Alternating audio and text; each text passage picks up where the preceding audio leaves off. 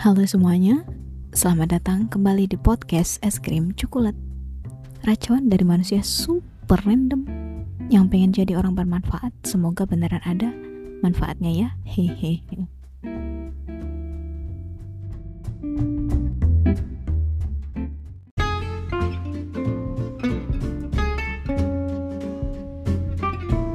mikrofonmu kok enak lu Kenapa? Enak aja kayak gini apa namanya kita bikin podcast sambil tiduran gitu Iya bisa. bisa Iya, mak awalnya dulu tuh aku sempet mau beli kayak punya Mbak Dea tuh. Terus kayak aku ngelihat ini tuh, kayak aku kan biar enak dibawa ke mana-mana gitu mikrofonnya. oh cuman kalau aku yang kayak gini lu nek aku sambil ngoding susah Hmm. Tapi ini juga bisa sih kayak diambil terus dikasih stand ini stand. Jadi ini mikrofonnya bisa diambil Hmm. ininya tuh. Heeh. Oke. Hmm. Nah, ini podcast sambil rebahan. Asik. Ah, iya, saya menginvasi kamar Mbak Dea. terus Deanya suka bikin podcast tapi males ngedit Parah sih. jadinya numpang kalau saya sih seneng-seneng aja ya, kayak ah, jadi ada temen ngobrol gitu kan. Terus podcastnya juga ya jadi agak lebih baik nggak sih kalau ada Mbak Dea? aduh GR aku lu kalau kayak gitu ya Allah. Nih kalau ketemu orang keren ini kayak gini nih. Terus eh, hari ini kita mau bahas toxic. Iya, gara-gara kemarin tuh aku ngepost di Tumblr ya kayaknya Mbak ya. Iya. Yang aku kayak kadang tuh mikirnya tuh gak penting-penting gitu loh yang kayak sekarang itu kan sembarang barang itu kayak mengsedih, menghaduh, mengapa lagi mengambiar, mengsakar mulai ya, meng, meng yang lain itu. Nah, itu kayak siapa juga yang menginisiasi kayak gitu. Terus sih kayak toxic, toxic. Jadi kayak aku tuh ngerasanya tuh kayak sekarang itu dikit-dikit gitu kayak toxic dibilang toxic gitu loh. Kayak eh, salah dikit gitu udah dibilang toxic. Bahkan yang aku tuh sampai bingung gitu maksudnya sebenarnya toxic itu yang kayak gimana Hmm, misalkan nih toxic itu dibilang yang eh, hal-hal yang jelek gitu ya. Mm-mm. tapi tuh juga ada yang namanya toxic positivity itu aku kayak lebih bingung lagi. Jadi kayak eh, misalkan bilang ke temen semangat ya itu kayak dibilang toxic positivity. Jadi kayak aku kadang kalau misalkan pengen nyemangatin temen ya ya sebenarnya tuh niatnya tuh emang bener-bener pengen nyemangatin gitu kan ya. Iya. Nah yang misalkan ngetik gitu kan semangat ya gitu. Aku tuh di kepala tuh kayak gini nih toxic positivity enggak ya? Kayak mau aku semangat aja takut gitu iya ya aku sampai jadi kayak mikir gitu loh padahal ya iya. ya wes tuh aku ya akhirnya ya ya wes bodoh amat lah ya orang aku niatnya nyemangatin gitu. Kan ya wes gitu ya sakarepku gitu. Jadi ya wes boh maksudnya sebenarnya itu kalau menurut Mbak Dia sepengetahuan Mbak Dia itu eh toksik itu kayak mana sih gitu. Kalau kan aku tahunya tuh ya ya yang jelek-jelek gitu lah Iya, nggak tahu juga sih. Kadang kalau kita browsing itu toxic itu sesuatu bisa menjadi beracun. Itu mungkin karena diri kita yang sakit, karena lagi sakit, jadi ya dikasih orang kebaikan pun jadinya kerasa sakit gitu loh. Atau kalau nggak gitu ya emang dunia luarnya yang beracun buat kita kayak penuh polusi gitu. Kenapa aku bisa bilang kayak gitu? Eh, aku atau saya ya? Ya udah aku aja Aku aku, aja tadi deh. juga aku tadi awal-awal saya ya ngomongnya terus aku Eh, jadi gini loh, misalnya kamu tuh lagi sakit tenggorokan, terus abis itu kan kita minum air putih aja, itu ke tenggorokan kan sakit. Jadi kadang kayak gitu, kita apa ya, ya orang nyemangatin kita, tapi hati kita lagi sakit pun jadinya kerasanya kita ngelihat yang semangat itu sebagai bentuk toxic positivity. Kalau menurutku sih kita kalau pengen nyemangatin orang ya udah semangatin aja dulu gitu loh ngelihat kalau misal reaksinya dia kayak gitu ya mungkin kita bisa ngubah pola komunikasinya kita ke dia. Jadi jangan terlalu takut dulu. Tapi kalau misalnya kita melihat toxic by definition itu adalah hubungan yang toxic itu adalah hubungan yang melukai jiwa orang yang berhubungan tersebut. Bisa melukai salah satunya bisa juga keduanya nah ini juga kadang yang bikin salah apa ya salah persepsi itu toksik itu kan ada kadarnya ya. Cuman kalau kita itu dengar toksik itu kayak sesuatu yang waduh kayak nggak bisa diselesaikan gitu loh. Iya. Ha, ha. makanya pas bro apa namanya brainstorming si podcast ini juga aku nanya apa nan apa namanya kita itu bahas toxic relationship itu antara anak sama orang tua kah? Atau antara kita sama pasangan kah? Kalau misalnya kayak gitu kan penyikapannya jelas beda ya. Kalau ke orang tua kan mau toksik itu kita juga yang namanya keluarga itu nggak mungkin ditinggal gitu. Sementara kalau misal sama masih pacar masih eh, kenal-kenal nggak deket-deket banget gitu ya kan bisa ditinggal terus move on kayak gitu sih Hmm. Hmm, Iya, jadi iya, ya obrolan tentang toksik itu bakal panjang banget kalau kamu nggak ngebatas dibatasin ya jadi kita hari ini ngomongin apa enaknya Oke oke. Jadi sih sebelum kita membahas apa, berarti Mm-mm. toxic itu kan ya kalau dari bahasa Inggris guys, bahasa Inggris.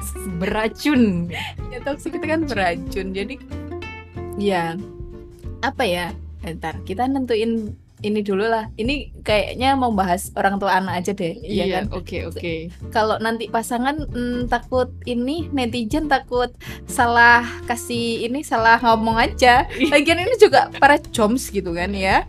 Jadi kayak oke apa sih orang mereka ini loh kayak gitu kan Om, sok-sokan ngomongan toksik jomblo pacar siapa yang kamu pacarin gitu Mm-mm. jadi ya eh, biar lebih general juga sih ya kalau orang tua Uh, uh, sama uh. anak itu kayaknya oke eh ya itu juga ada possibility gitu loh eh, orang tua sama anak itu toksik terus mm, ngomong-ngomong tadi toksik yang beracun itu toksik ini perilaku Hmm, hmm. maksudnya bukan bukan yang orang itu toksik gitu ya itu perilaku atau nem- nempel ke behavior atau nempel ke orang gitu loh maksudnya kalau menurut aku sih nempelnya ke behavior ya. Makanya ini yang aku tekan tekankan ke teman-teman bahwa yang namanya toxic relationship itu nggak bisa jadi ya nggak nggak selamanya kayak gitu. Bisa di, diubah. Cuman memang kalau kita ngomongin gimana mengubahnya yang lebih tahu memang profesional ya psikolog eh psikiater atau psikolog. Tapi ya yang perlu ditekankan di sini itu kalau kamu itu merasa tidak bisa berhubungan dengan baik sama orang lain ya jangan self blaming dan akhirnya kayak kamu menginternalisasi jadinya minder gitu loh. Kan kamu ngerasain nggak sih kalau misalnya kamu itu abis bertengkar sama orang terus ini tadi salahku bukannya kamu embrace salah itu terus gimana cara memperbaikinya salah tapi Heeh, kan. terus kamu tuh kayak bikin nyalahin diri "Ah, sendiri ah, gitu ya. toxic. Aku tuh nggak bisa berhubungan sama orang. Oke. Aku tuh mau mengurung diri di rumah aja nonton Netflix gitu. Nggak usah punya temen kan kayak gitu aku tidak jadinya. layak untuk berteman dengan orang. Aduh kenapa banget. Ya ya sampai kapan kayak gitu tuh kan ada batasnya. Maksudnya eh, pas saya ke psikolog itu dia bilang masih ada kok harapan orang tuh meskipun dia dari kecil itu eh, di lingkungan yang nggak sehat kalau misalnya dia pindah ke lingkungan yang sehat terus berusaha terapi dengan jujur ya insya Allah bakalan sembuh gitu ya Iya, meskipun nggak bisa 100% ya. Kadang kita itu kan kalau ngomongin sembuh itu berharapnya ya ya apa namanya beneran sehat gitu loh. Padahal yang namanya trauma itu orang itu kan bisa punya trauma banyak dan trauma itu muncul kalau ada triggernya. Sementara kan kita itu nggak tahu trigger itu kapan datang iya kayak kita itu ngerasa kita itu sehat tapi misalnya terus di umur 30 40 tiba-tiba ada, ada, trigger, trigger. terus kita oh aku ternyata trauma kayak gini dan eh, yang aku tekankan ke teman-teman yang punya kayak gitu adalah yaitu just part of yourself gitu loh bukan bukan seluruh kamu apa ya ngerti nggak sih? Bukan tuh kamu kayak, toks- eh, bukan, bukan kamu yang toksik terus yang iya, kamu jelek nggak ya, eh, kayak gitu loh. eh, itu yang yang kamu beracun gitu. Mm-mm. hanya bagian ya salah satu bagian yang tadi yang trauma Mm-mm. itu tadi ya. Yang bikin kita tuh ya toksik itu tadi gitu ya. Iya sih, gitu sih. Makanya aku kadang, kamu setuju nggak dengan statement bahwa kalau misalnya kan ada orang nih yang kalau misalnya nyari pasangan ya yang sehat, aku tuh bukan apa namanya klinik psikologi, Psikiater, eh, ah, iya, bukan psikiater. gitu. Nah itu Nah, ah gitu sih. Aku tuh selalu jadi kayak gitu. Gimana kalau ternyata pasangan kita toksik? Enggak, enggak kita enggak bahas sejauh itu enggak. Cuman nanya aja menurut kamu itu kamu mau nggak nerima orang yang toksik sebagai pasangan kamu?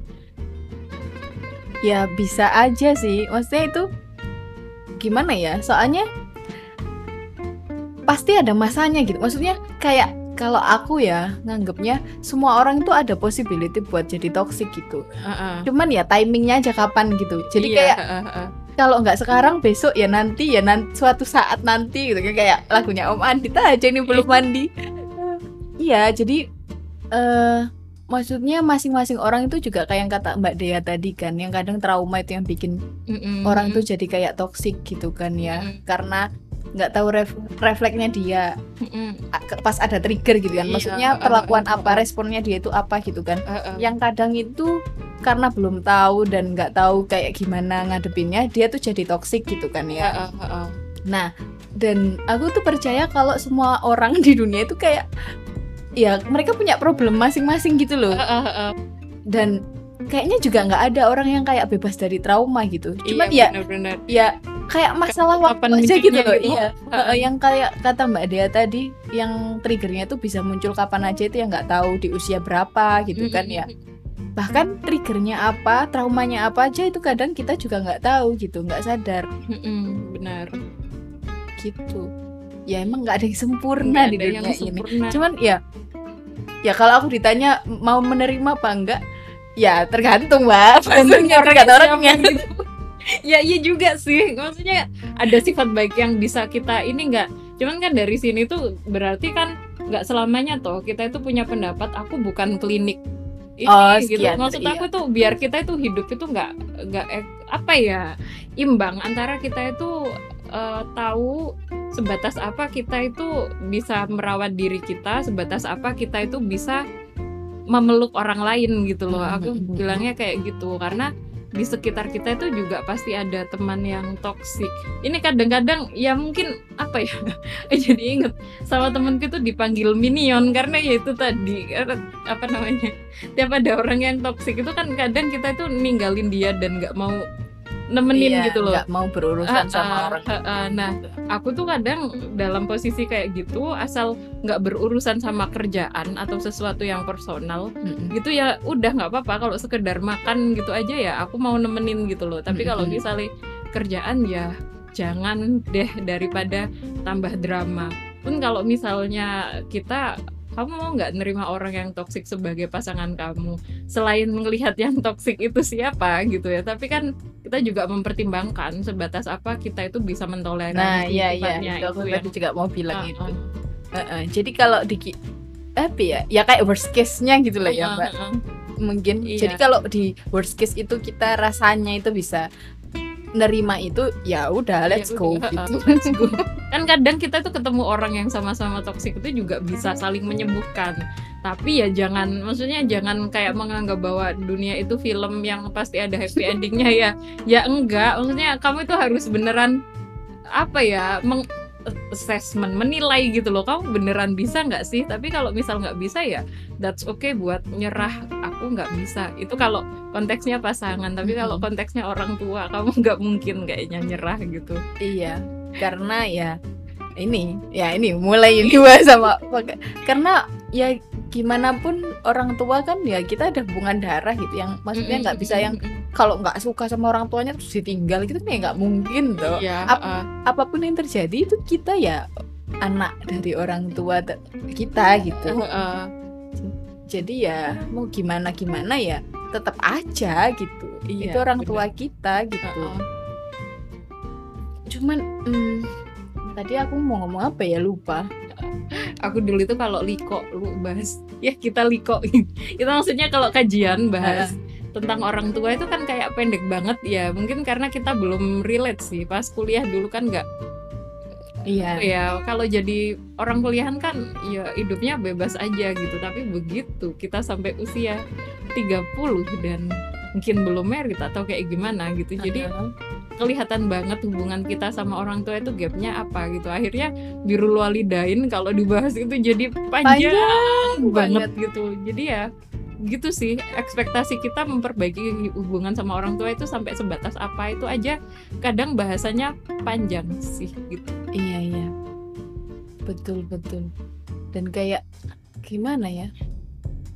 Yang kayak gimana gitu orang tua bisa dibilang toksik maksudnya re- hubungan anak sama orang tua. Heeh. bisa dikatakan toksik tuh kayak gimana. Terus sampai kayak kadang aku tuh kepikiran kayak eh kadang ngerasa durhaka gitu loh sama orang tua mbak. Kadang Iya. itu ngerasa kayak gitu terus kayak sampai level mana sih gitu? Kayak eh ya itu tadi kayak baktinya kita sama orang tua gitu. Kayak- heeh, heeh. kayak ya gitulah. Gimana ya? Jadi gimana mbak De kalau em, biasanya maksudnya hubungan yang kayak gimana? Yang orang tua sama anak itu toksik dibilang toksik kalau hubungan yang kayak gimana ya variatif banget sih. Maksudnya orang tua itu kan juga saya tuh memandang saya aku tuh memandang orang tua tuh manusia juga. Yang mereka itu mungkin juga punya trauma masa lalu. Ah, yang iya, kita itu namanya trauma itu mungkin ratusan ribuan gitu loh. Jadi relationship yang toksik antara orang tua dan anak itu juga bentuknya macem-macem. Misalnya orang tua kita itu punya cita-cita jadi pilot terus anaknya oh iya. yang suka Kayak di- eh, eh, di di push di push buat jadi pilot padahal anaknya nggak pengen jadi pilot. Eh, atau apa namanya orang tua yang takut miskin. Jadinya anaknya itu disuruh kerja yang gajinya harus tinggi harus gitu. ini ngumpulin gitu sih. iya iya Cuman iya kalau aku lihat dari kayak gini sih eh, kadang yang paling kelihatan gejalanya dari semua hal ini tuh orang tua tuh jarang berdialog sama anak dan Hmm. mereka tuh kayak iya iya yang tahu yang terbaik buat kamu itu aku gitu loh.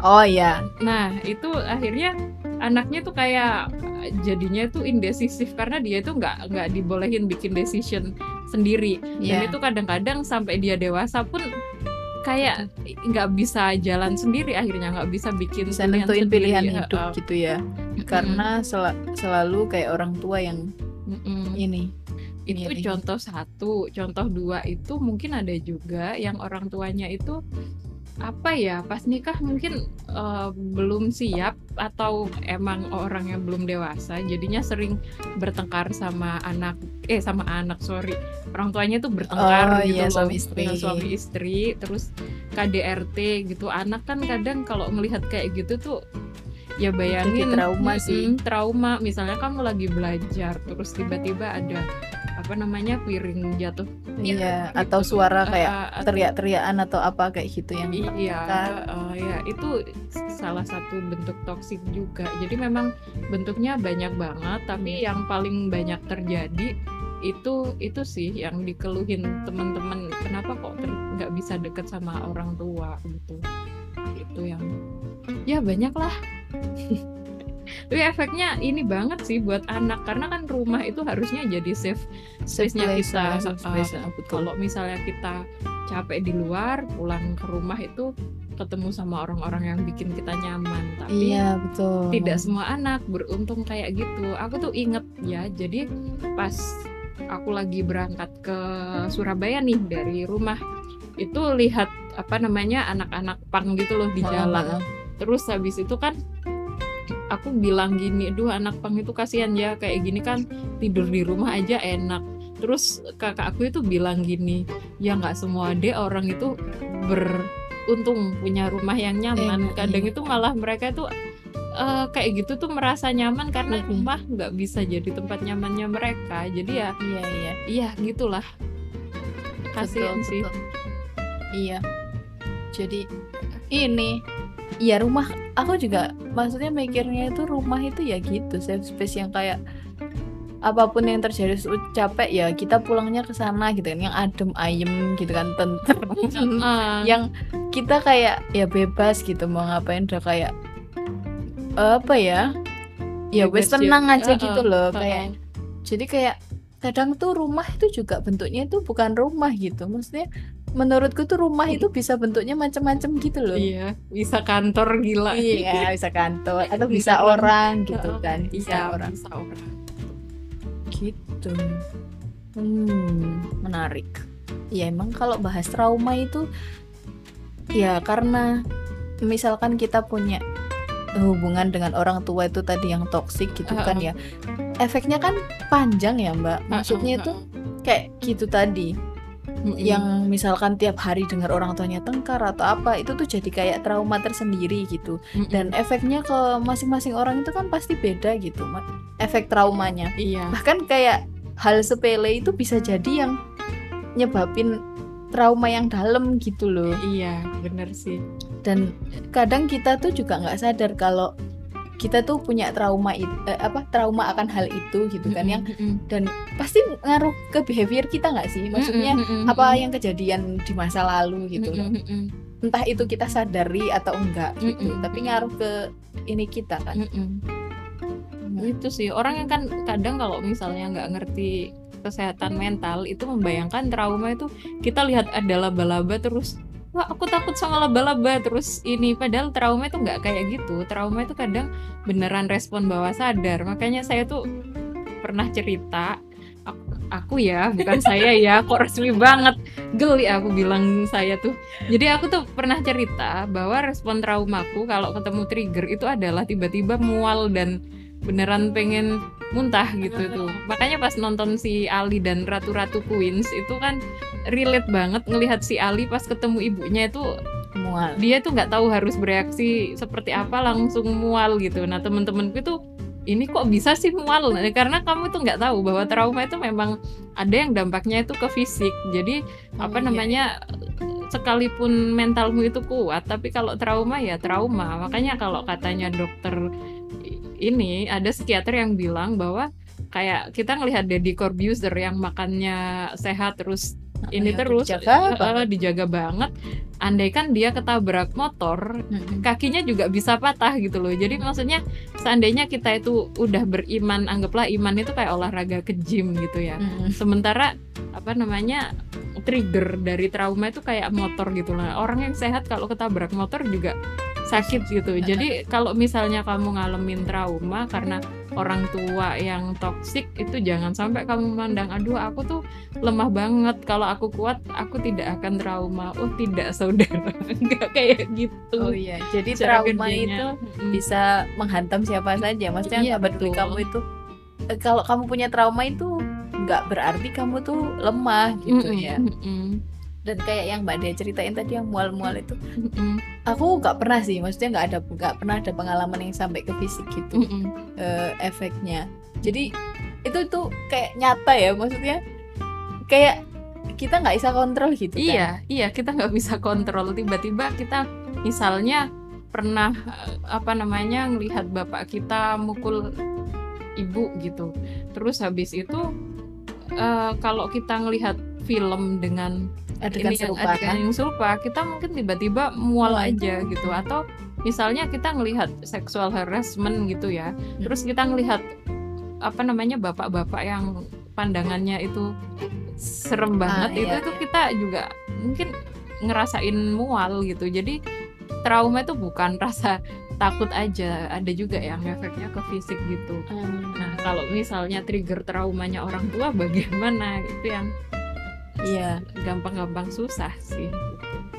Nah budaya kita kita kan juga muslim ya dalam Islam itu kan disuruh birrul walidain Iya. regardless orang tuanya itu bagaimana buruk. uh, birrul birrul walidain itu urusan kita sama Allah gitu. Begitupun uh, apa namanya bagaimana orang tua bersikap ke anak itu juga urusan dia sama Allah gitu. Jadi apa namanya uh, bukan yang kamu tuh udah tak rawat dari kecil kok kamu ini sih gitu. Kalau dalam Hmm. Islam itu konsepnya itu enggak enggak kayak gitu. Yang ngasih pahala ke kita itu Allah, yang ngasih pahala orang tua kita itu ke itu Ya, Allah, Allah juga. juga. Uh, uh, jadi sekalipun orang tua kita itu toksik ya memang ya nggak mudah sih nggak gampang kok makanya aku kadang pas orang tua eh orang tua aku temanku itu ada yang sampai aku tuh tiap ketemu bapakku itu kayak apa ya kayak capek banget gitu loh nah kayak gitu tuh kita perlu mikir juga ekspektasi kamu berbaikan sama orang tua itu jangan buru-buru berekspektasi tinggi yang tiba-tiba yang langsung baik Eh, gitu. eh, nggak bisa butuh bertahun-tahun dan bahkan mungkin sampai salah satu wafat pun bisa jadi hubungan kita itu nggak resolve gitu loh Oh, tapi iya. setidaknya memang harus ada usaha, usaha buat memperbaiki, memperbaiki itu, itu, gitu ya.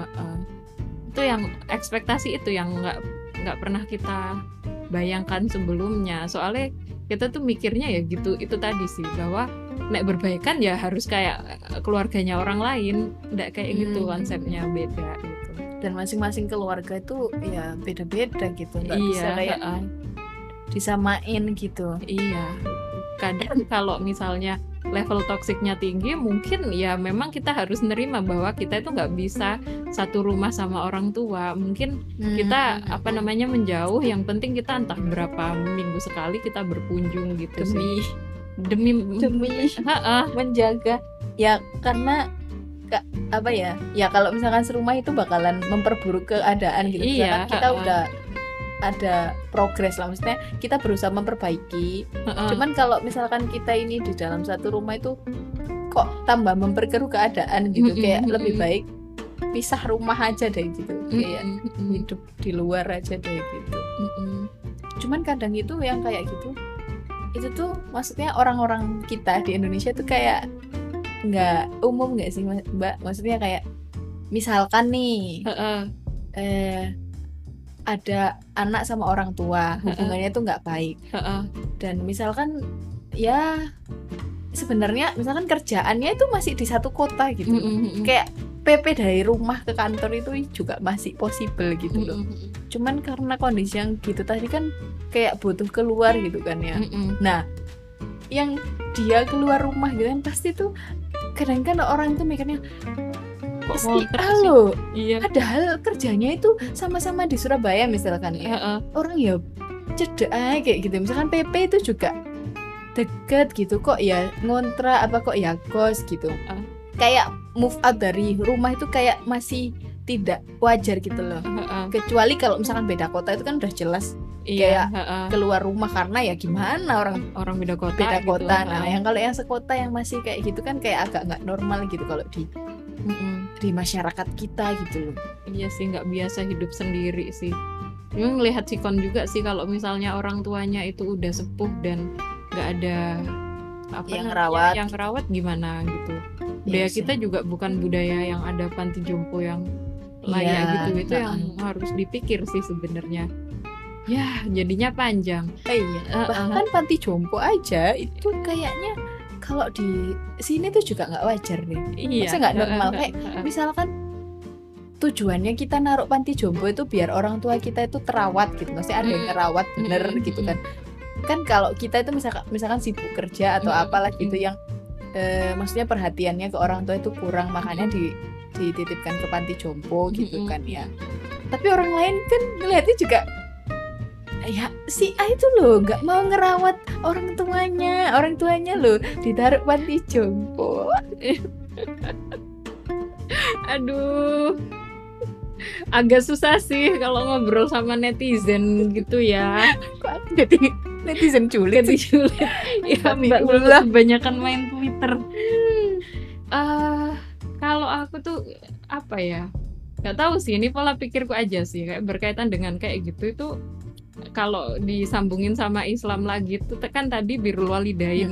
Makanya birrul walidain itu jadi panjang karena kalau misalnya orang tuanya toksik, yang tahu kita perlu move out dari rumah, kita perlu keluar dari rumah itu ya akhirnya ya psikolog juga sih. Karena hubungan kita sama orang tua itu kayak aksi reaksi gitu loh.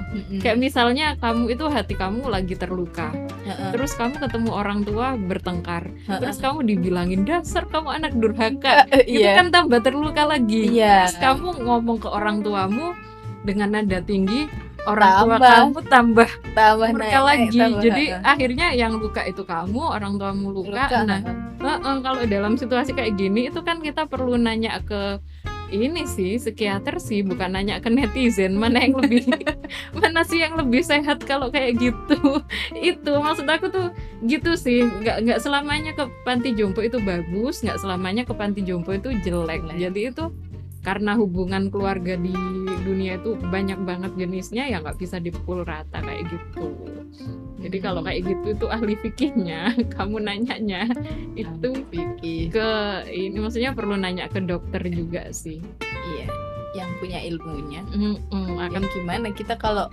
nanya sesuatu kan ya yang berilmu gitu kan ya, yang Iya, paham heeh. gitu kan ya. Eh, tapi sayangnya memang kan layanan psikologi itu di Indonesia, Indonesia. juga masih mahal, nggak semua Iya, orang betul. bisa afford untuk Akses. itu. Heeh. Ya tapi yang yang perlu kita pegang ya itu sih bahwa nggak selamanya masukin orang tua ke panti jompo itu Jelek. jelek, nggak selamanya bagus juga juga. bagus. Kadang kan orang tua itu mungkin pengen serumah biar bisa ngelihatin cucu dan itu Iya. sehat gitu. Tapi kadang kalau misalnya di rumah ya itu tadi saling melukai sama anak ya, ya memang itu pahit banget sih. Tapi kita harus mengakui bahwa hubungan yang kayak gitu itu ada. Iya. betul betul. Ada nyata gitu loh. iya Maksudnya nyata. nggak- Iya, nggak cuma di sinetron. kamu nggak bisa tiba-tiba menceramahi orang eh eh, temen kamu kamu kok durhaka banget sih orang tua kamu kayak gitu dan kamu nggak mau Ah, serumah iya, iya, gitu iya. itu yang. Iya. Nah ini efeknya juga maksudnya eh, gimana ya?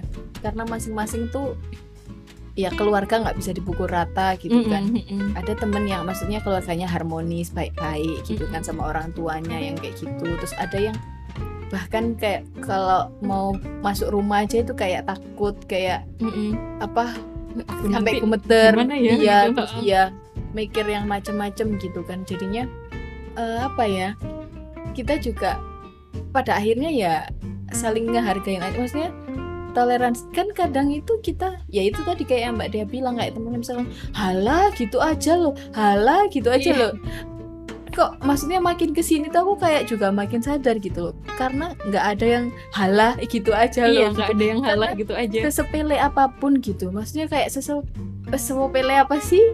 Sesimpel apa pun lah itu. Itu tuh bisa jadi hal yang besar gitu buat buat orang lain gitu. Bener. Jadi aku tuh kita coba deh ngobrolin kasus tanpa sebut nama juga. Tapi kasus ini tuh sebenarnya umum terjadi di Indonesia apalagi di Jawa yang bapak-bapaknya itu beneran kayak orang rumah itu harus sendiko dawuh gitu loh. Oh kayak di iya, film iya, iya. nanti kita cerita tentang hari ini Oh, kan iya, orang rumah itu harus manut ke ke bapak bapaknya ya dan bapak itu nggak pernah dengerin anaknya terus dia tuh kamu harus mau karena bapak itu tahu yang terbaik. Nah Buat modelnya kamu, kayak gitu. Banyak anak-anak yang kayak gitu makanya pas uh, aku tuh pas almarhumah ibu masih ada itu kan sering banget telepon gitu ya. Terus ada temen yang nanya kamu kok bisa sih ngomong sepanjang itu sama ibu? Ibu, uh-uh. gitu. aku aja nggak bisa. Kenapa kok nggak bisa? Ternyata setelah dikorek-korek itu tiap dia curhat ke ibunya ibunya tuh selalu nyalahin dia gitu loh jadinya. Hmm. kayak nggak pernah iya iya iya. Dingin nggak gitu bisa didengerin Heeh, gitu. Eh, nggak nggak bisa didengerin. Nggak pernah didengerin maksudnya. Iya. Jadi apa pun yang dia ceritain kayak kayak dintai gitu. Kayak- iya Maksudnya, kayak dimentahin sama ibunya. Jadi dia kalau ada orang yang cerita pun akhirnya dia mentahin gitu loh. Hmm, itu kan apa yang kita lihat dari kecil itu kadang-kadang entah itu tuh kita copy tanpa sadar entah itu kita beneran menolak itu gitu seutuhnya nggak mau kayak gitu sama sekali gitu. Jadi ngaruh banget sih. Terus kasus yang kedua itu mungkin kita itu punya bapak yang ya memang baik sayang sama anak eh, keluarga dari luar itu harmonis. Tapi kalau ngomong sama ibu itu apa namanya kayak selalu pakai kata-kata yang tajam dan kasar gitu kasar gitu loh dan sesekali KDRT. Nah gini kadang kalau cerita ke temen ah bapakmu mah masih baik kayak gitu, nggak kayak gitu. Trauma itu tetap Hmm. trauma meskipun itu kita anggap kecil, ya kan kita nggak tahu sedalam apa dampaknya ke orang lain Iya, gitu. Nggak bisa kamu itu bandingin apa namanya itu loh masih banyak anak yang orang tuanya cerai tapi traumanya nggak segede kamu. Tidak bisa. Dampak trauma itu juga bukan berarti karena saya lemah terus habis itu dampaknya jadi gede. Kita nggak tahu bahkan psikolog pun juga nggak tahu gitu loh. Nggak bisa memperkirakan tindakan kayak gini kira-kira reaksinya ke ini maksudnya hasilnya ke orang itu kayak gimana itu nggak bisa diperkirakan gitu. Jadi ya itu sih. Iya. dan nggak bisa juga dilihat cuman dari luar gitu ya? Ya itu. Itu nggak ada halah gitu Iya. aja kok. Jadi kalau halah, masih mending apa bapakmu kayak gitu masih mending ibumu kayak gitu gitu. Mm-mm, masih mending. Ya kamu Masih tuh mending. pertama. Coba wes coba wis tapi sehari ya aduh. Aduh tapi ya itu emang kenyataan sih. Iya. Dan kita itu kadang-kadang nggak bisa menyadari mana respon karena trauma mana respon yang sehat gitu. Itu yang Hmm. kadang-kadang agak susah sih ya nggak bisa memang nggak tahu. Kalau misalnya kayak temanku tadi tuh kan dia tuh nggak bisa dengerin cerita orang. Nah itu sebenarnya kan dia respon ngikutin ininya ibunya meskipun dia benci dengan itu tapi dia nggak nyadar gitu Oh, loh iya, ternyata secara ngikutin pola yang kayak gitu gitu. Bisa nggak sadar ngikutin ya? Mm-mm. meskipun kita nggak suka. Bisa gitu ya? Atau bisa jadi dia itu menolak sama sekali pola yang diberikan ke orang tua. Misalnya orang tuamu itu rigid banget ngasih aturan kamu nggak boleh keluar rumah karena nanti takutnya ada ini ini ini gitu. Terus akhirnya pas kamu punya anak itu mikir aku nggak mau kayak orang tuaku ah jadi anak itu tak bebasin banget nggak usah ada aturan sama sekali. Nah itu juga nggak bagus sih. Intinya yang ekstrim ekstrim gitu tuh eh, janganlah hindarin aja gitu. Iya sih. Perlu belajar banyak sih oh my god. Itu tuh kayak bahas kayak gini tuh juga jadi mikir gitu. Maksudnya merembetnya itu panjang sih.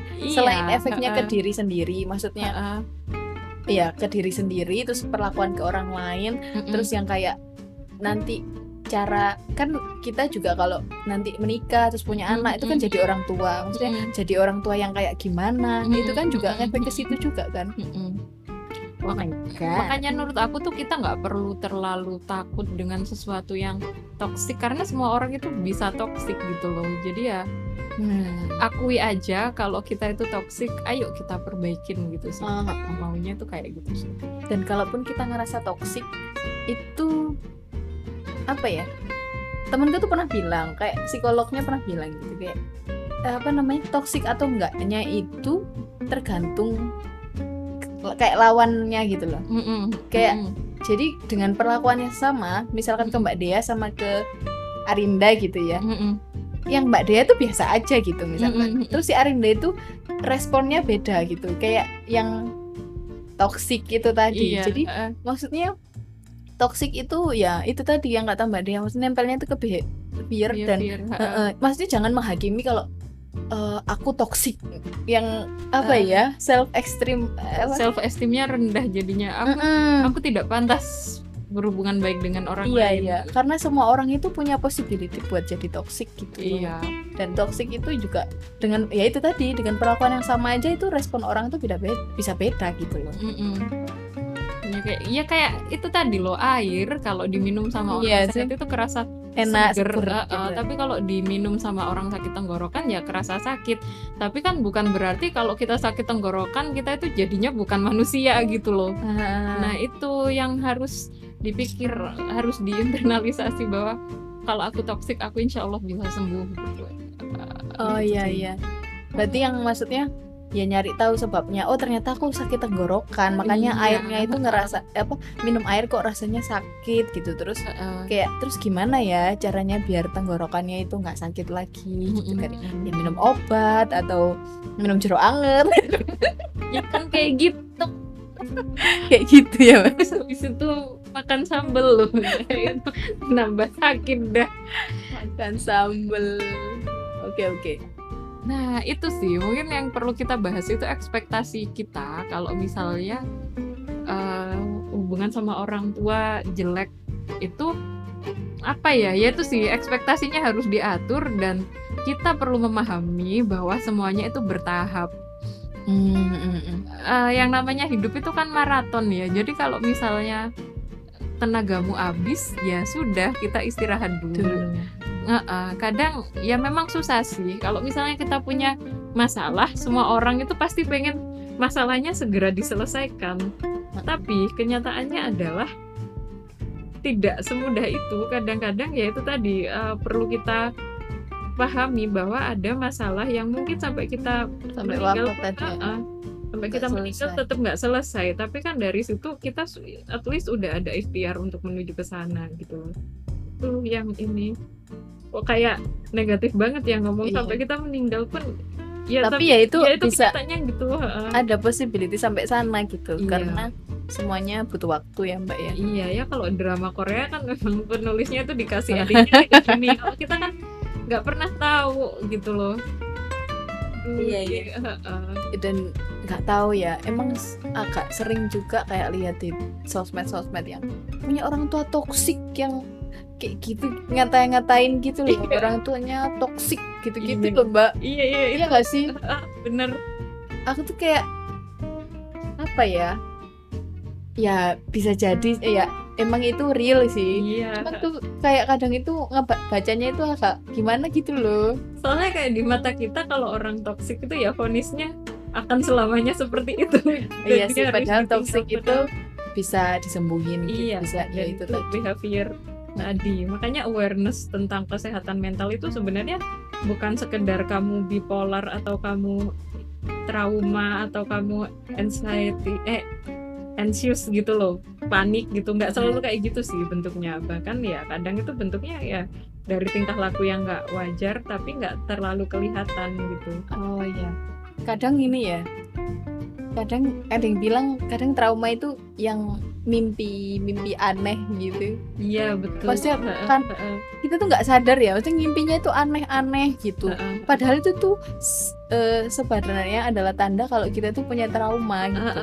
Ini yang aku rasain pas ibu wafat awal-awal itu mimpiku itu selalu kayak eh ini apa namanya ngajakin ibu liburan gitu Hmm. kan liburan itu seneng. Mm-mm. terus habis itu tiba-tiba sadar gitu oh ibu kan harusnya kemo di rumah sakit kok tak ajakin liburan sih?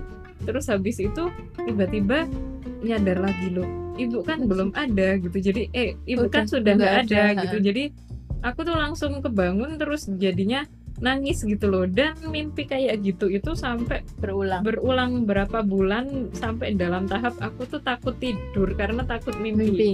Heeh, soalnya tiap mimpi itu sedih banget makanya jangan bilang bahwa trauma itu bisa disembuhin dengan iman nggak nggak kayak gitu karena trauma itu bentuknya banyak banget nah setelah dibawa ke dokter ternyata itu namanya ya PTSD post traumatic syndrome Ah, iya, iya. disorder gitu loh jadi kayak ada perasaan selama ibu sakit tuh kayak ada perasaan bersalah aku tuh belum bisa merawat ibu dengan baik jadi kayak pasti ada keinginan ngajakin ibu apa namanya seneng-seneng gitu Mm-mm, tapi tiba-tiba sadar Ibunya ibu udah udah nggak ada gitu. gitu. jadi itu bentuk trauma itu macem-macem sih Iya.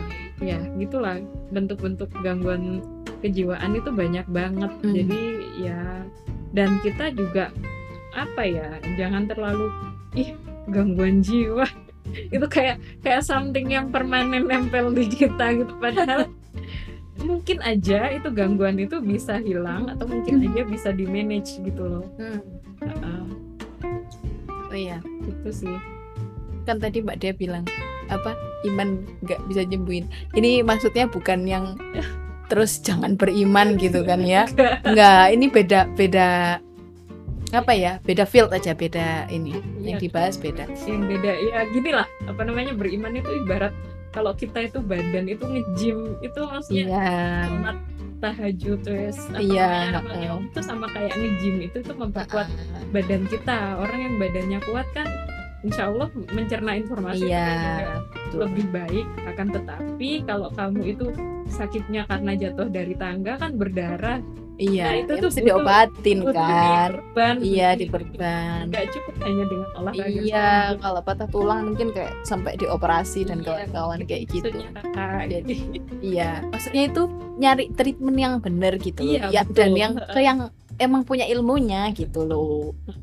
Eh tadi tuh aku pikiran karena misalkan kita punya orang tua yang notabene tadi yang toksik gitu kan ya. Ad- itu juga jangan jadi alasan terus kita kayak ada alasan buat durhaka atau maksudnya kayak nggak nggak pant orang kok orang tua kayak gitu ya nggak pantas buat kita berbakti atau apa Iya, gitu ya.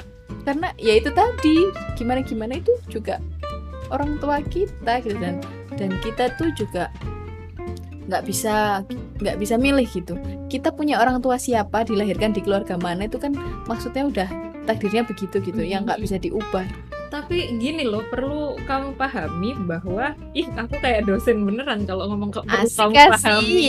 perlu kita pahami. Fit- iya perlu kita pahami bahwa yang namanya perasaan itu mungkin bisa berubah gitu loh. Termasuk reaksi kita terhadap se- sebuah hal itu juga Iya, mungkin berubah. Maksud aku tuh gini apa ya kamu itu nggak bisa ngejudge bahwa orang yang bilang kita tuh berhak durhaka karena orang tuaku itu jahat gitu sebagai orang yang jahat juga karena bisa jadi dia pas ngomong kayak gitu tuh lukanya itu masih basah Iya. gitu.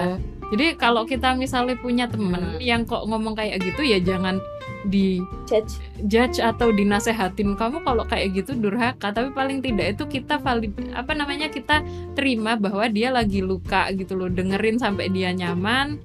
Terus ya mungkin ditanya juga kamu kira-kira cerita kayak gini itu mau ditenangin aja atau mau ditawarin solusi? sudah apa namanya sudah sampai tahap pengen ada solusi kalau misalnya pengen ada solusi kan kita bisa ngomong lebih jauh. Tapi kalau misalnya kamu masih perlu Didengerin waktu, aja. eh, eh, ya apa namanya yuk kita bikin suasana yang nyaman gitu loh. Jadi ya jangan sampai kita itu dikit-dikit ngejudge gitu loh. Orang itu kan apa namanya ya itu sih situasinya dia dalam kondisi apa itu kan juga perlu kita cek juga. Orang lukanya masih basah malah ini Ya, itu susah sih. susah Ini gitu susah ya. juga sih.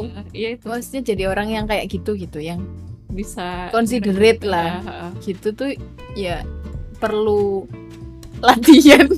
Ya. kayak emang sih bener orang juga nggak bisa langsung kayak tiba-tiba terus jadi kayak yang kayak gitu kan. Maksudnya yang nggak judgmental yang Iya bisa. sih emang harus ketemu banyak orang sih.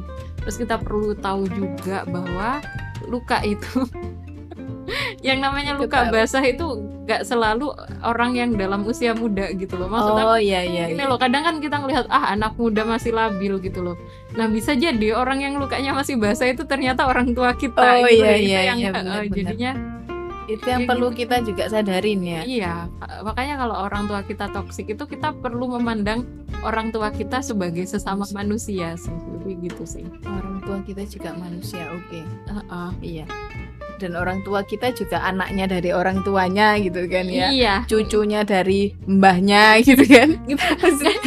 Jadi ini lucu sih. Jadi kalau ngomong sama temen itu ya gitu sih.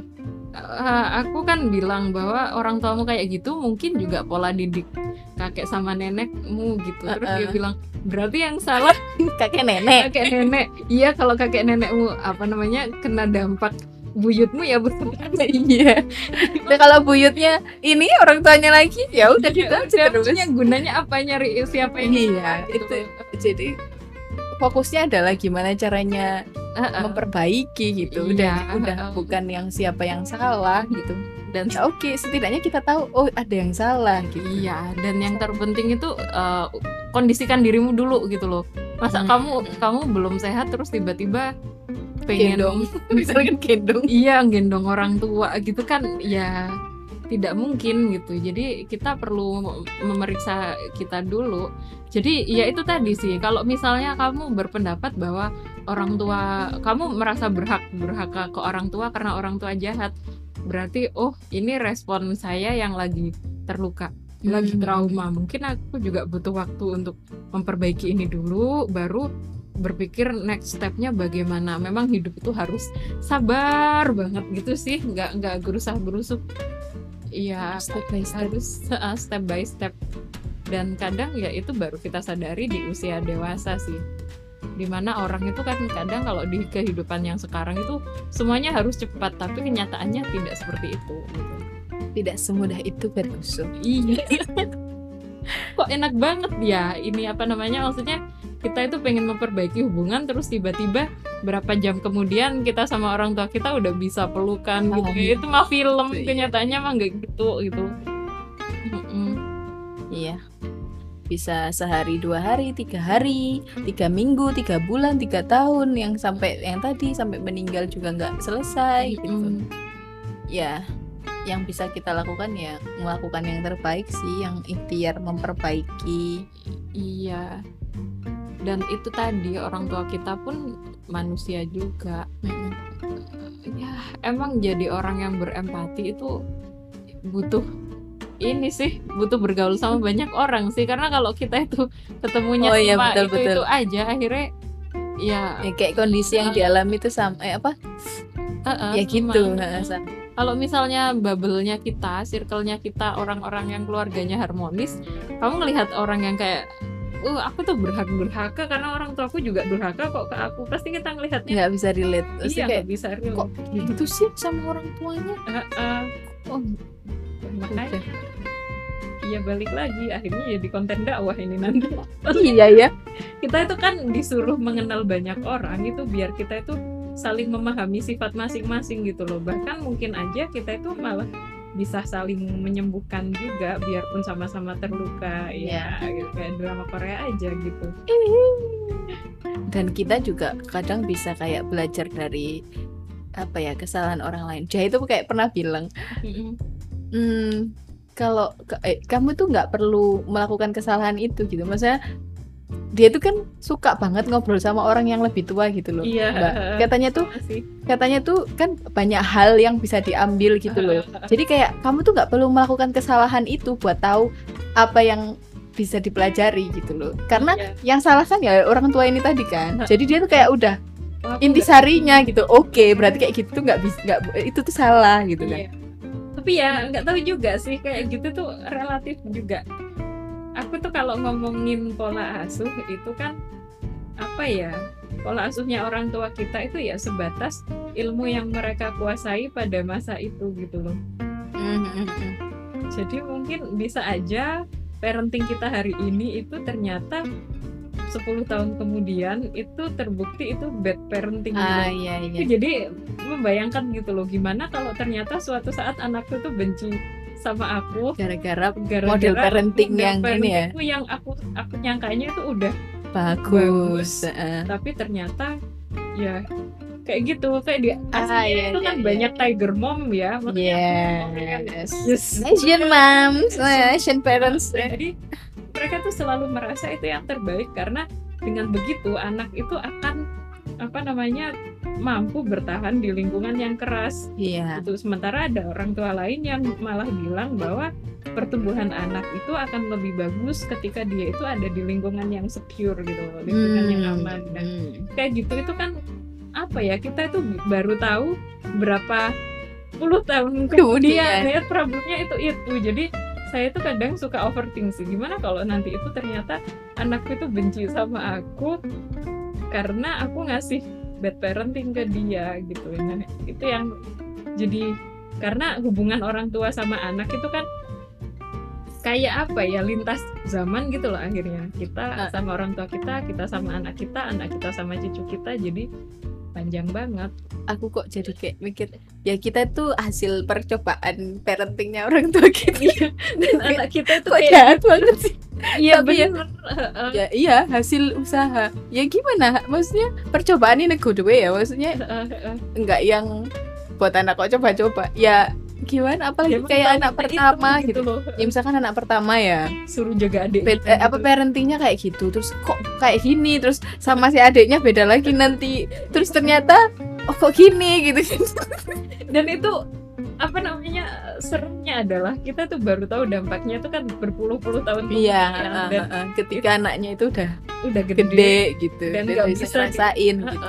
nggak bisa di reverse nggak bisa di oh iya lagi. udah Itu yang udah kejadian iya betul aku mikirnya gitu sih jadi mau benci sama orang tua itu orang tua kita juga sama cluelessnya mungkin sama iya poinnya satu jadi orang tua itu susah ya makanya orang baik pun belum tentu bisa jadi, Jadi orang tua yang baik ya. gitu. jadi ya Mm-mm. tapi ya jangan lantas kita itu langsung mikir bahwa kita nggak bisa jadi orang tua iya atau mikir nggak pantas jadi orang tua kalau katanya orang Jawa orang Jawa ya kayak ya nak kayak naluri misalkan cewek ya ya naluri keibuannya itu keluar sendiri gitu. Kalau misalnya udah punya anak toh ya maksudnya orang tua mana sih yang pengen anaknya itu apa buruk gitu jadi Iya, jelek? Gitu kan nggak ada. Nggak ada Iya memang dia taunya sebatas itu kok Iya. protes gimana. Aku tuh kadang kalau misalnya diskusi sama temen masalah hubungan dia sama orang tua itu terus dia tuh jadinya kesel kok kamu jawab gitu? Kamu berharap apa dari aku? Itu maksudnya jawaban yang menurutku paling rasional. Orang iya sih orang tuamu dulu nggak baca buku parenting terus gimana kalau ternyata buku parentingmu yang setumpuk itu efeknya malah nggak bagus ke anak? ah iya iya. Iya benar-benar nggak ada jaminan juga kan ya? Misalkan Iya. kita udah belajar banyak gitu kan terus kayak berhasil gitu. Ternyata oh anaknya cemerlang gitu kan. Itu nggak ada jaminan. Iya itu tapi ya terus jangan nggak belajar ya karena itu susah kan. Yang belajar aja belum tentu apalagi nggak belajar gitu kan ya. Makanya emang kita tuh bahkan mungkin sebelum nikah itu juga perlu doa juga sih.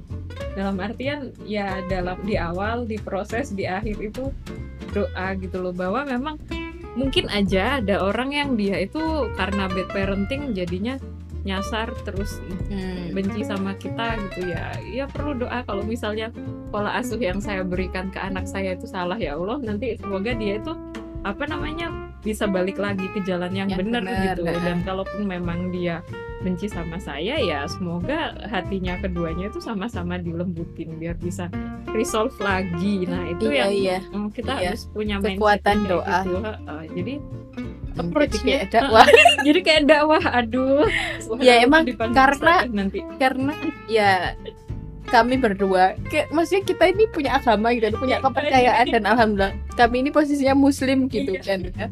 ya emang hidup kita tuh nggak bisa lepas dari situ gitu. Iya, jadi ya karena kita kami mengimani kalau ya kalau minta apa apa ya ya lewat apa coba kita? Iya. mintanya lewat doa gitu kan. Jadi Iya. ya kekuatan doa gitu. apa pun agama kamu. Deh maksudnya iya. selalu berharap bahwa ya di, dibimbinglah sama Tuhan kita gitu. Jadi iya. eh, eh, yang pegang kendali yang maha kuasa gitu. Heeh, maksudnya iya. yang maha membolak balikan hati yang trauma sembuh dalam waktu singkat itu juga ada. sangat mungkin gitu. Karena ya, ya gampang aja gitu buat Allah ini nyembuhin gitu kan. Iya tapi kalau yang kenyataannya banyak juga yang lama Lama, banget. heeh. jadi ya itu sih. bukan hal yang mudah gitu. Eh, eh, biar kamu itu nggak overthink panjang banget aku nanti bisa nggak ya jadi orang tua? Takutnya anakku kena bad parenting. Ya lakukan apa yang mampu kamu lakukan. Yang nggak lakukan yang nggak mampu kamu lakukan ya sudah. Iya betul. Serahin aja. Iya dipasrahkan. Jadi mikir kayak gitu loh. Karena kan waktu itu tuh ada temenku itu dia tuh ya dari sisi personal itu baik banget orangnya. Tapi itu kan dia pas capek itu akhirnya bentak ah anak. iya iya. Jadi terus dia tuh akhirnya nangis. Aku udah berbuat buruk ke anakku. Tapi ya aku belum orang tua sih. Cuman kalau aku melihat dari mereka itu memang menjadi orang tua itu berproses sekali gitu. Iya iya. Jadi betul. kalau orang tuamu toksik itu coba tempatkan dirimu di posisi orang tuamu dulu. Kira-kira apa yang bisa kamu lihat? Hmm. ya nggak bisa ideal sih. Kamu nggak bisa tiba-tiba "Oh, orang tuaku udah bener kayak gini. Enggak sih. Tapi ya mungkin kamu bisa membayangkan sih kesulitan yang dialamin orang tua kamu itu apa? Jadi kita itu bisa lebih lembut akhirnya meskipun masih marah juga gitu. Semoga hati kita senantiasa dilembutkan. Subhanallah. Jadi berasa konten mentoring biru walidain iya jadi kayak mentoring. Aduh. Tapi emang ini sih ya gimana lagi gitu. Tapi menurut aku tuh ke- kita sering ngomong ini toxic itu toxic itu bentuk ini sih awareness aja sih bahwa memang tidak semua hubungan itu sehat. Dan hubungan yang tidak sehat itu mungkin bisa diperbaikin. Aku nggak bilang selalu bisa ya soalnya kan nggak ada yang sifatnya selalu di ini. Tergantung ya ya gitulah manusia bisa berusaha aja gitu. Kayaknya juga. Jangan terlalu ekstrim lah gitu maksudnya. ah orang tua aku toksik yang maksudnya yang kayak judge yang ngejudge yang ya gitu tadi yang udah kayak titik gitu Oh, udah kayak heeh, mentok udah I kayak see, heeh. aku jadi kepikiran gini loh yang namanya toxic itu kan banyak banget ya. Kalau kamu itu cuma nyebut toxic akhirnya kamu itu nggak bisa addressing masalah kamu apa gitu loh nah kalau misalnya kamu nyebut oh orang tuaku tiger mom gitu kamu bisa itu kayak lebih spesifik eh, gitu ya. iya maunya tuh kayak gitu gitu loh. Jadi biar kamu tahu apa yang perlu diperbaikin gitu. Mm-mm. aku tuh kadang tuh kayak misalkan pas lagi capek ya Mm-mm. terus kayak lihat sosmed kok ini kok orang-orang kayak dikit-dikit toksik gitu kayak ini abis baca toksik apa apa gitu toksik kayak dikit-dikit toksik iki saja nih toksik iki lo model piye?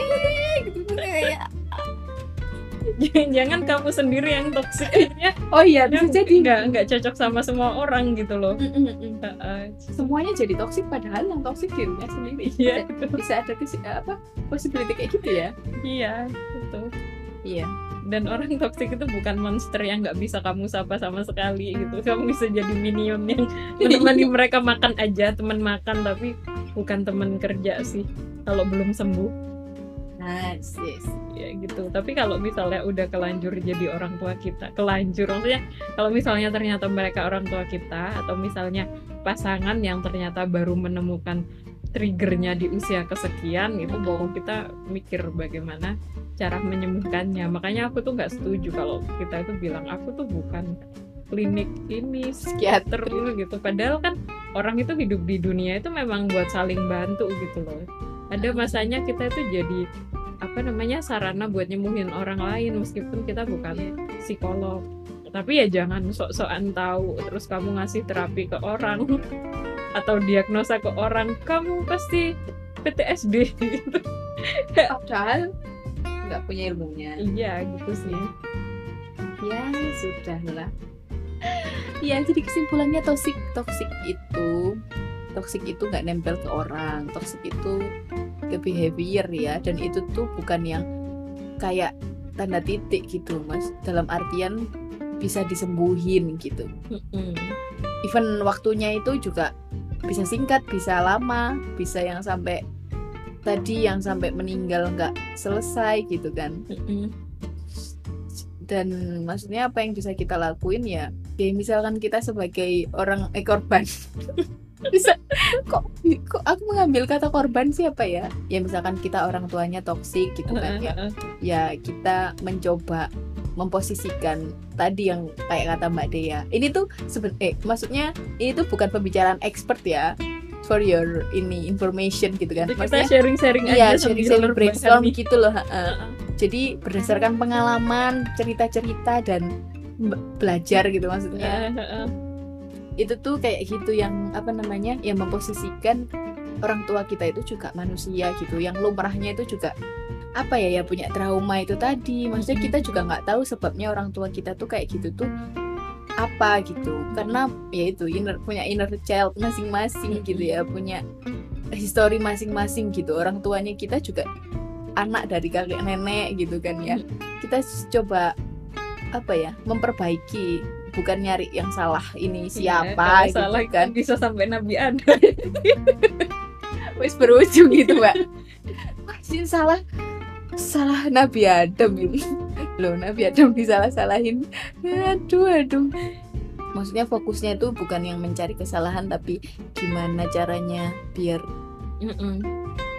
biar sembuh itu tadi. Tenggorokannya biar nggak sakit lagi itu biar minum air tuh seger gitu kan ya.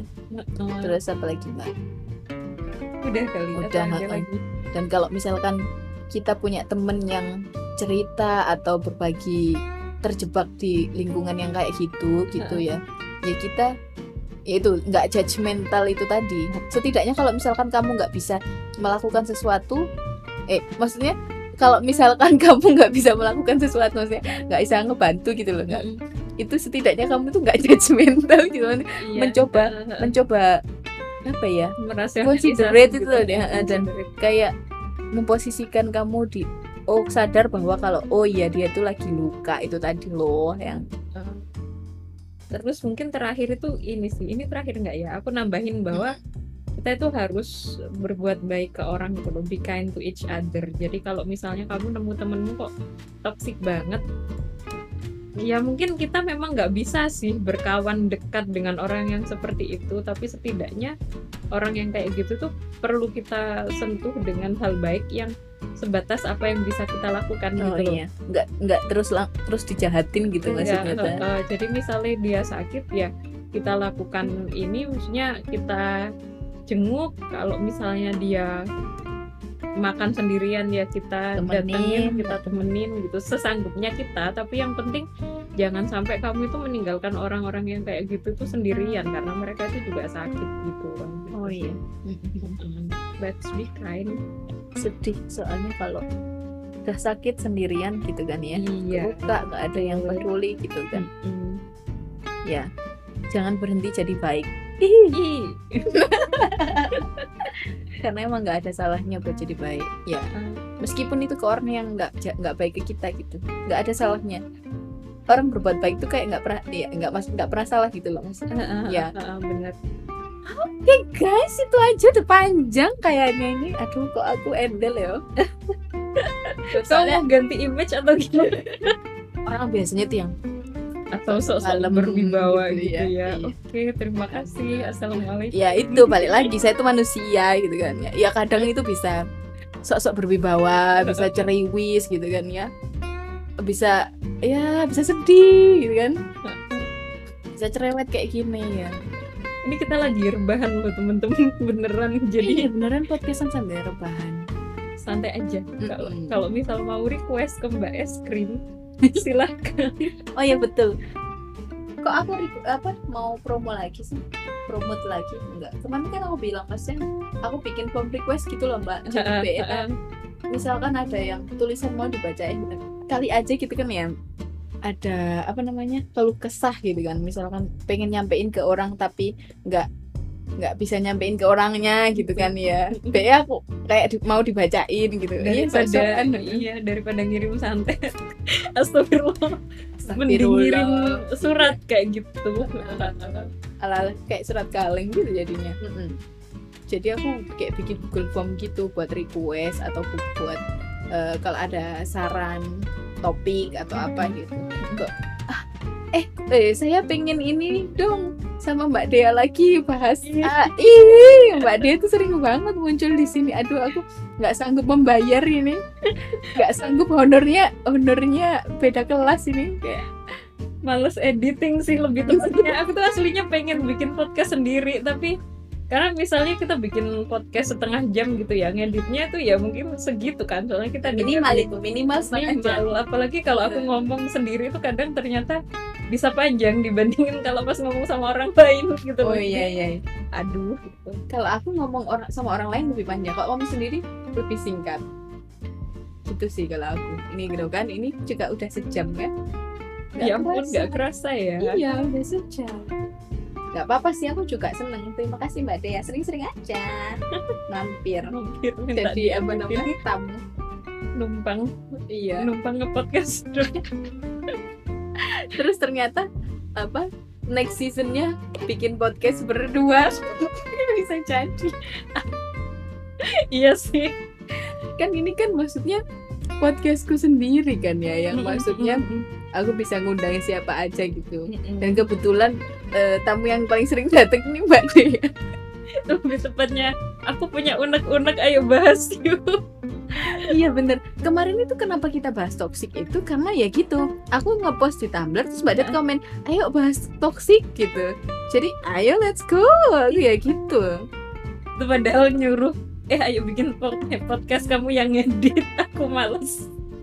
Nah ya udah. Oke. Oke, thank you guys sudah ngedengerin sampai akhir. See you on the next episode. Bye bye. bye